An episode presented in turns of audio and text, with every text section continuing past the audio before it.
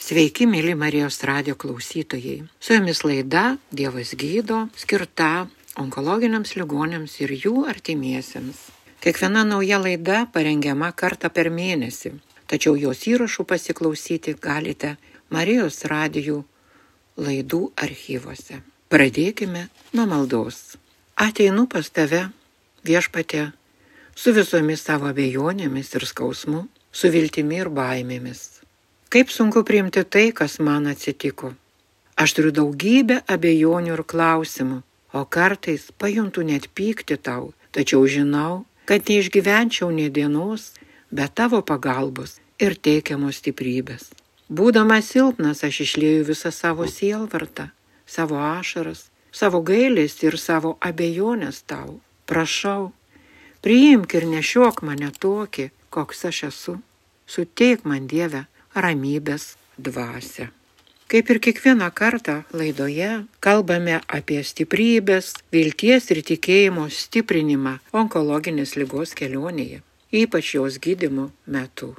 Jo metu patiriame įvairių emocijų - streso baimės, tiesiog paniškos baimės, kai kai kurie ligoniai ryštasi geriau nutraukti gydimą ir rinktis neiškes netikras gydimo alternatyvas, netgi tikintieji dievų žmonės nukeliauja pas ezoterikus ir netikrus pranašus. Suprantama, gydimas yra labai nelengvas ir reikalauja sukaupti daug jėgų, ryšto ir blaivaus proto.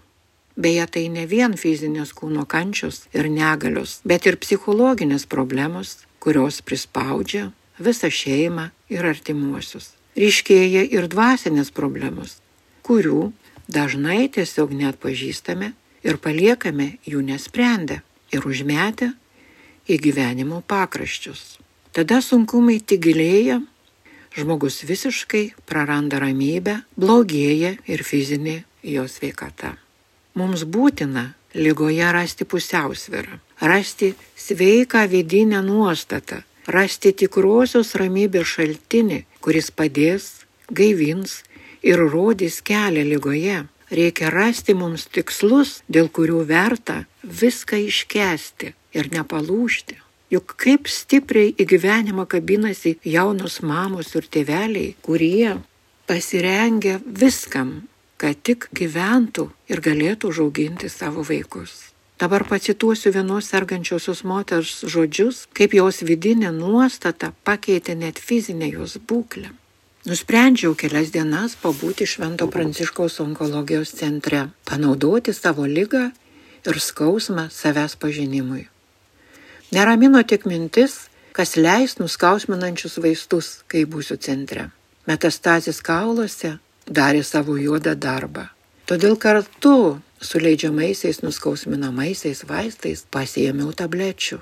Čia norėjau visos veiklos, ką centras galėjo pasiūlyti - pokalbių, informacijos, psichologo, dvasininko, susitikimų, masažo, relaksinių, šokių, rankdarbių siūti, velti.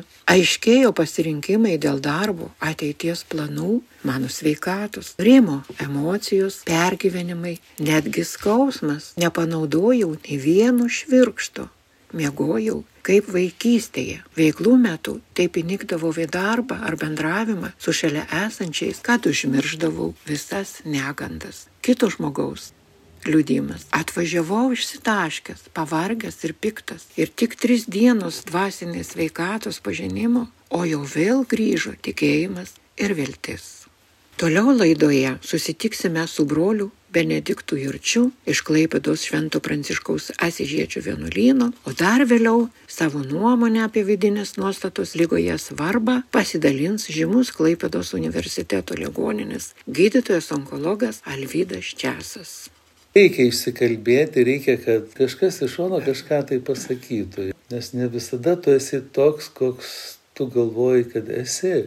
Mes, reiškia, prisimtos Kauno seminarijoje, buvom tokia grupelė klierikų, kurie tai buvome susitarę, kad mes vieni kitus lyg ir taip viena akim pastebim ir po to šeštadienio popietę mes susitikę įsakydavom, reiškia, ką galėtume pasakyti, padaryti arba pasielgti kitaip. Ir tai man iš tikrųjų labai padėjo. Taigi, sergantis žmogus turi turėti palidovą ir kunigą, ir gydytoją, žinoma, ir Dievo akį. Man labai patinka dabar kalbėti apie visą matantį Dievą, kuris viską mato, viską mato. Prisimet, bažnyčiose vėl tas trikampis, apie kurį kalbėjome mes jau. Ir tame trikampyje akis. Ir labai svarbu, kad aš kaip ligonis jausčiau, kad visa tai, kas vyksta, vyksta Dievo istorijoje, reiškia mano istorijoje su Dievu. Dievo žvilgsnis man yra reikalingas. Prisiminkite dabar mamos, tėčiai, kurie auginote vaikus, jūs girdite, vaikas pradeda lopšelėje verkti, bet tik tai prieina mama, savo žvilgsniu pažiūri vaikučių akis ir vaikas nurimsta, jis jaučiasi saugiai. Todėl ir šioje kelionėje, lygos, onkologinės lygos kelionėje, labai svarbu jausti, kad tu esi tame žvilgsnėje, kad viskas yra jau gerai, kad nebus viskas gerai, bet dabar jau yra gerai, nes dabar jau aš išgyvenu santykių su Dievu, konkretų santykių su kunigu ir gydytoju. Dabar norėčiau keletą minčių vardan teisingos vidinės nuostatos, tos būklės, pakalbėti apie visagalį Dievą. Ar tikrai Dievas yra visagalis? Ir aš galvoju, kad viena iš ateizmo priežasčių atsiradimo yra neteisingas Dievo visagalybės interpretavimas. Nu vat, iš kur blogis, ar ne? Jeigu Dievas visagalis, tai kodėl tiek daug blogio? Klausimas, ar ne? Ir mes aiškiname, kad Dievas nenori blogio, o jeigu jau jis yra, tai dėl mūsų labo. Prisimnat ar ne, turbūt ir pamokslų temos labai, va Dievas siuntė tą nelaimę tam, kad tu ir taip toliau. Ir ligonis dažnai sako, meldžiausi, man nepadėjo. Jo, ir va čia ir yra tas dalykas. Jeigu Dievas visagalis, kodėl ne visi žmonės geri, Kodėl vyksta tie žemės drebėjimai, įsiveržia tokie vulkanai, kodėl tos lygos, tie marai ir taip toliau. Jeigu Dievas visagalis, kodėl tie žmonės tokie blogi, ar ne? Kodėl? Ot, ir aš dabar sergu vėžio lyga ir kodėl, kodėl Dievas toks visagalis. O įsivaizduokit tokį Dievą, jeigu viso šito nebūtų, ar ne? Tai koks žmogus tada? Kas būtų žmogus? Robotas? Taip, robotas. O pasaulis koks būtų kažkokia tai žaidimo plastikinių žaislų aikštelė. Tai va čia ir yra, kad Dievas yra visagalis. Jis davė mums tokią absoliučią laisvę. Ir tik tai toje laisvėje, mano laisvėje, mano laisvėje apsispręsti, su kuriuo gydytoju aš dirbsiu savo lygos metu. Čia yra laisvė ir čia yra visagalybė. Dievas nėra visagalis tas, kuris dabar aš pasimelsiu ir mano vaikas, mano žmona, vyras išgys. Šito iš tikrųjų Aš nežinau, gal atsitinka. Mano lygos atveju iš tikrųjų gal kažkas ir atsitiko. Aš labai tikiu į stebuklą savo lygos atveju, nes iš tikrųjų labai daug žmonių, labai, aš jau esu minėjęs, tai galbūt tūkstančiai keli gal dar daugiau žmonių meldėsi ir jie sukėlė tokią didžiulę bangą, tokią didžiulę maldos bangą, kad mano tas laivelis, kuris buvo užneštas ant uolų, nuplaukė, nuplaukė ir dabar toliau plaukia ir aš labai džiaugiuosi, kad plaukiu dabar kartu su jumis. Taigi, Dievas yra ne tiek visagalis, o jeigu visagalis, tai ta prasme, kad Dievas yra laisvas ir ką geriausiai jis turėjo, mums padovanojo savo laisvę. Bet ir toje laisvėje mes turime būtinai atrasti Kristų, Jėzų Kristų. Ir todėl švenčiame tas kalėdas, kad mes su Kristumi gyventume. Ir kur čia yra prasme, kur čia yra tas lobis? Ir būnant su Kristumi, tu pradedi suprasti labai įdomų tokį dalyką. Tu iš naujo pradedi skaityti šventąjį raštą, pasaulio sukūrimą ir matai, kaip reiškia Dievas kūrė visą tą visatą, ne, kurioje mes esame. Ir viskas buvo sukurta iki žmogaus. Kodėl? Dievas nesukūrė žmogaus kaip roboto, kuriam nereikalingas maistas. Jis sukūrė tokį žmogų, kuriam reikalingas sodas, kuris maitinasi. Iškia visą tai, ką Dievas sukūrė, sukūrė dėl žmogaus. Ir jeigu žmogus turi maitintis, ar ne, jis dalinasi. Ir čia švento rašto pasakotojas nori pasakyti mums visiems, kad žmogus yra trapus kad be maisto jis negali išlikti, be vandens negali išlikti. Įsivaizduojat, ir jeigu aš esu trapus, man būtinai reikalinga kito žmogaus artuma. Ir lygos metu taip pat man yra reikalinga kito žmogaus artuma. Ir mes esame su Aldute kalbėję apie tai, kad viešys tengiasi mus izoliuoti nuo bendruomenės. Jis stengiasi mus pakišti kažkur tai į kampą, ne, kad liktume vieni ir tada iš tikrųjų vėžys mūsų doroja. O jeigu grįžtame į šventą įraštą, į pradžios knygą, žmogus yra sukurtas trapus ir žmogus ieško kito žmogaus, jam reikalingas kitas žmogus. Ir būdamas trapus, ar ne, žmogus suvokia savo ribotumą. Būdamas su kitu žmogus tą ribotumą naikina. Ir svarbiausia, jis pradeda suprasti, kad Dievas yra gailestingas. O jeigu Dievas yra gailestingas, tai ir aš turiu būti gailestingas. Ir kada atsiranda tavijo ta samprata to trapumo, to biologinio kūno trapumo, turi atsirasti didžiulis gailestingumas. Na ir tuo pačiu skaitant Jėzų, mes tada pradedame suprasti dar vieną įdomų dalyką. Jėzus kalba apie amžinai gyvenimą, apie Dievo karalystę. Ir ta Dievo karalystė būtent yra čia ir dabar. Čia ir dabar. Aš priimu, priimu Jėzų čia ir dabar.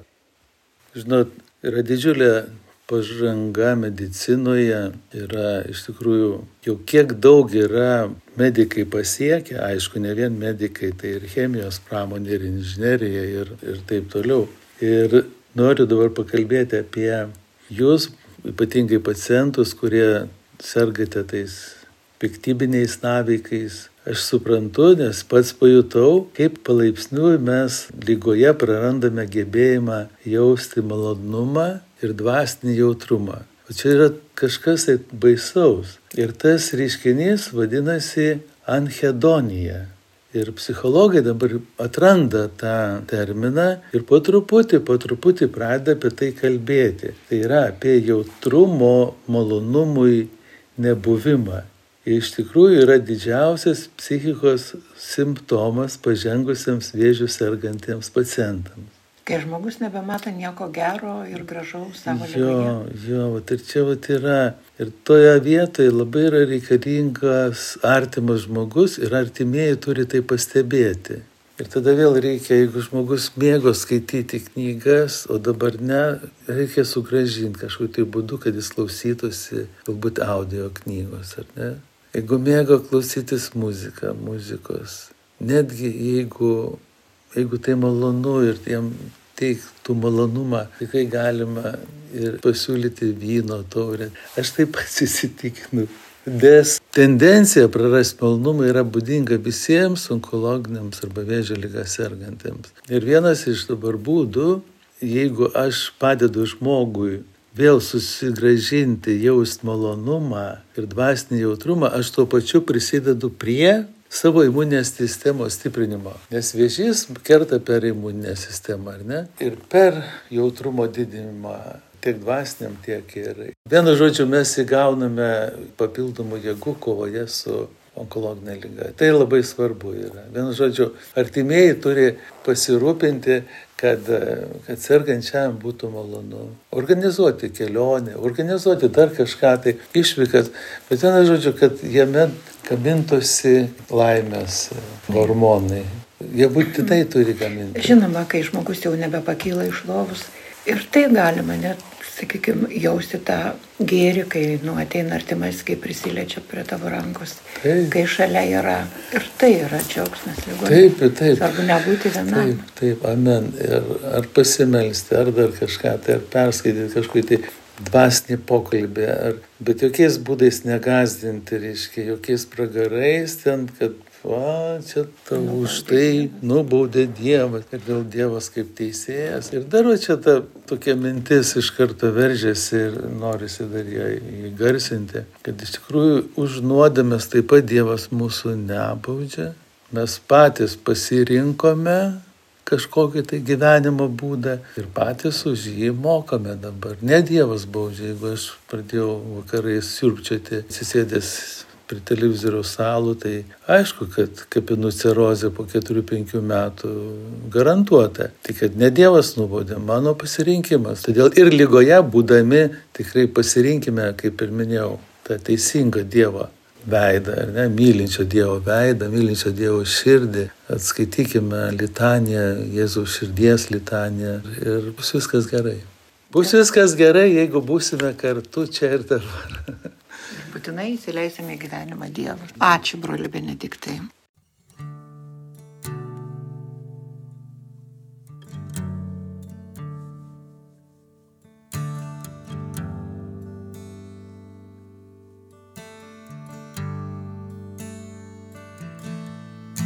už kiekvienos dykumos laukia tėvė tavo apkabinimas už kiekvienos dykumos laukia. Tėvė tavo apkabinimas per kaitras ir smėlį žengia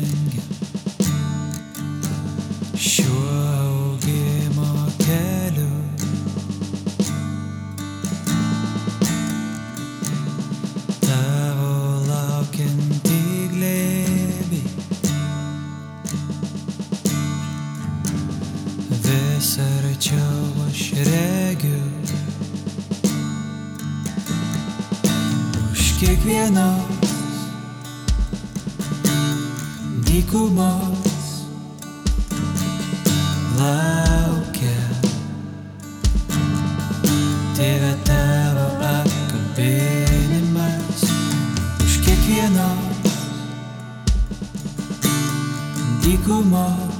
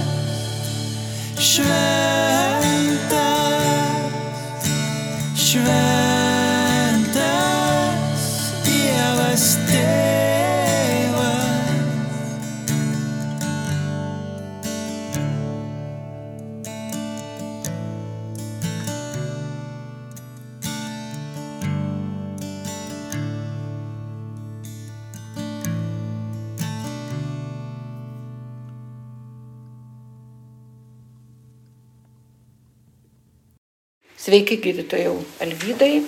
Norėčiau jūsų paklausti, jūs ilgus metus jau ilgai, senai gydot onkologinius ligonius, įvairių žmonių sutinkate ir matėte, vieni tokie būna silpniai žmonės, o kiti visai išlieka stiprus lygoje. Ar manote, kad yra kažkoks žmogui būdas sutvirtėti, dvasinė pagalba reikalinga psichologinė?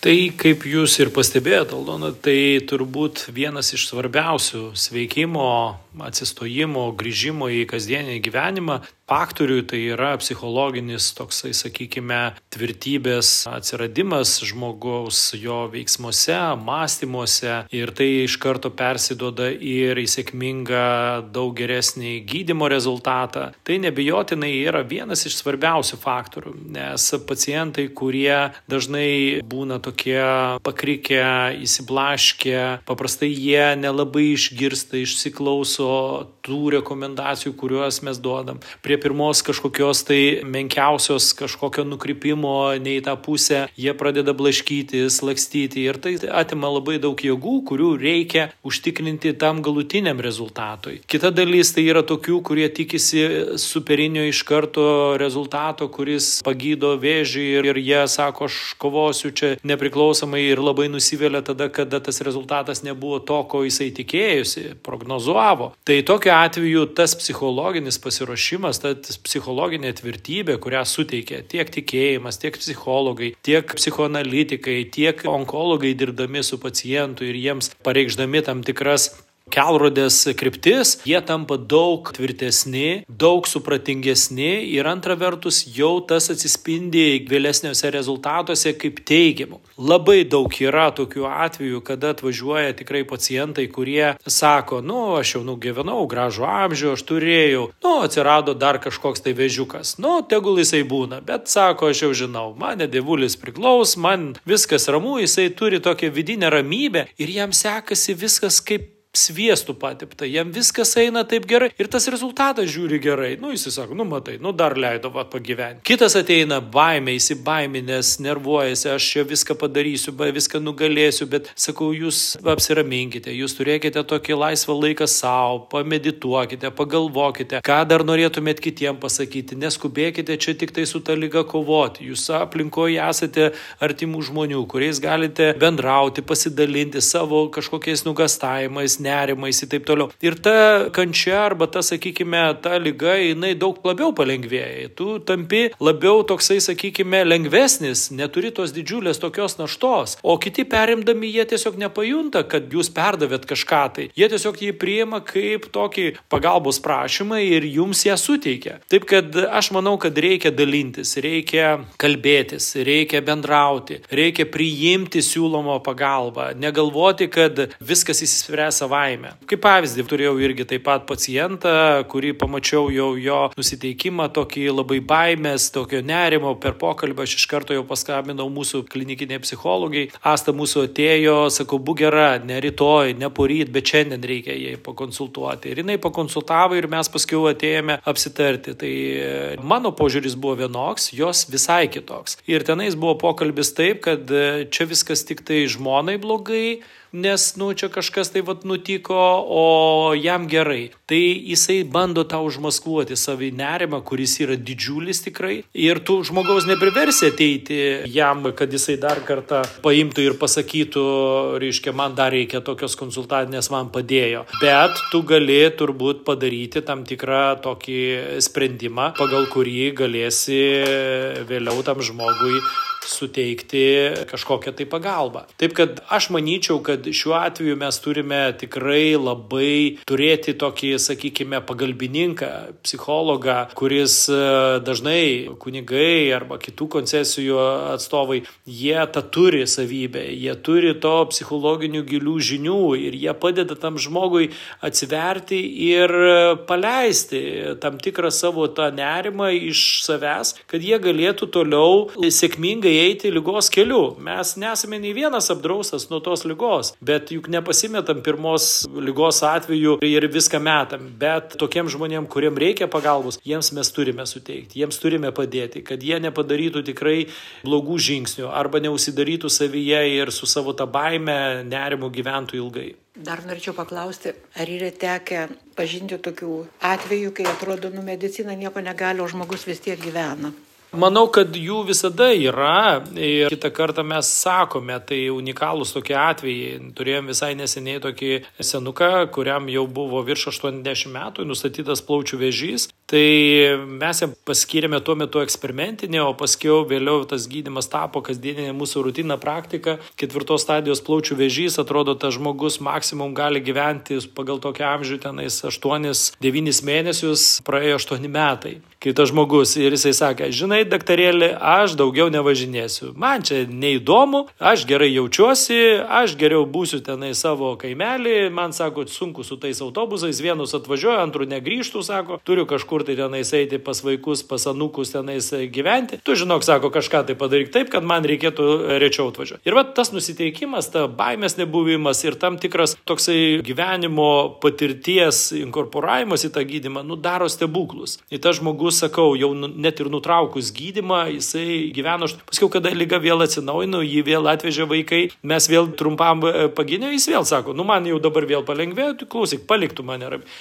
Tai kiti žmonės tiesiog netgi su ankstyvom stadijom tiek neišgyvena, kiek tokie vat išgyvena, kurie jau atrodo lyg tai būtų pasmerkti. Ir tai nėra kažkokia kazuistika, tai yra mūsų kasdieniniai praktikoje, tai yra dažnas reiškinys. Ačiū gydytojo, ačiū labai.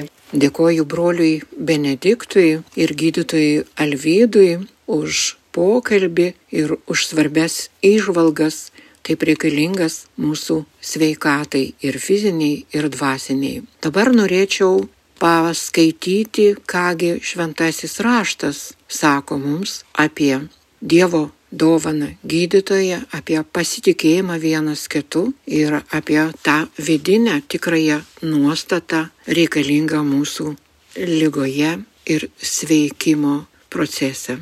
Skaitinys iš Siracido knygos 38 skyriaus.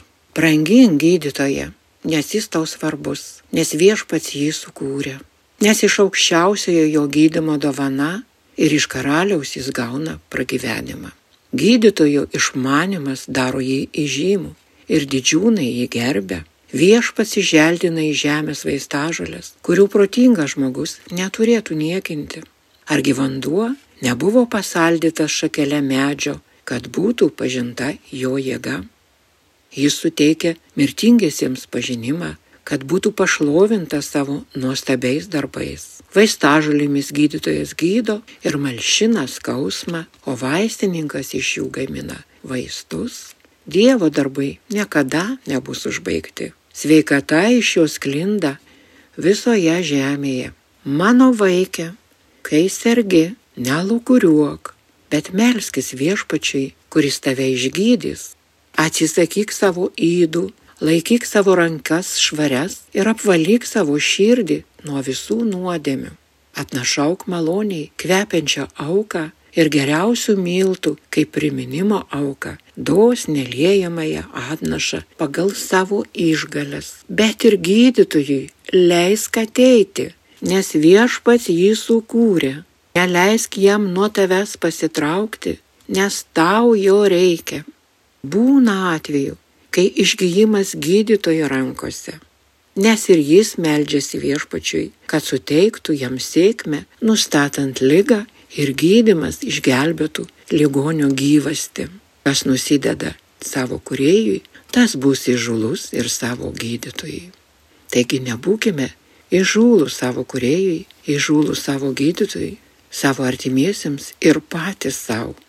Ieškokime tos ramybės ir vilties šaltinių. Girdėjote laidą Dievas gydo. Su jumis buvo Aldona Kerpytė, laidos vedančioji iš Klaipados Švento Pranciškaus onkologijos centro. Su Dievu.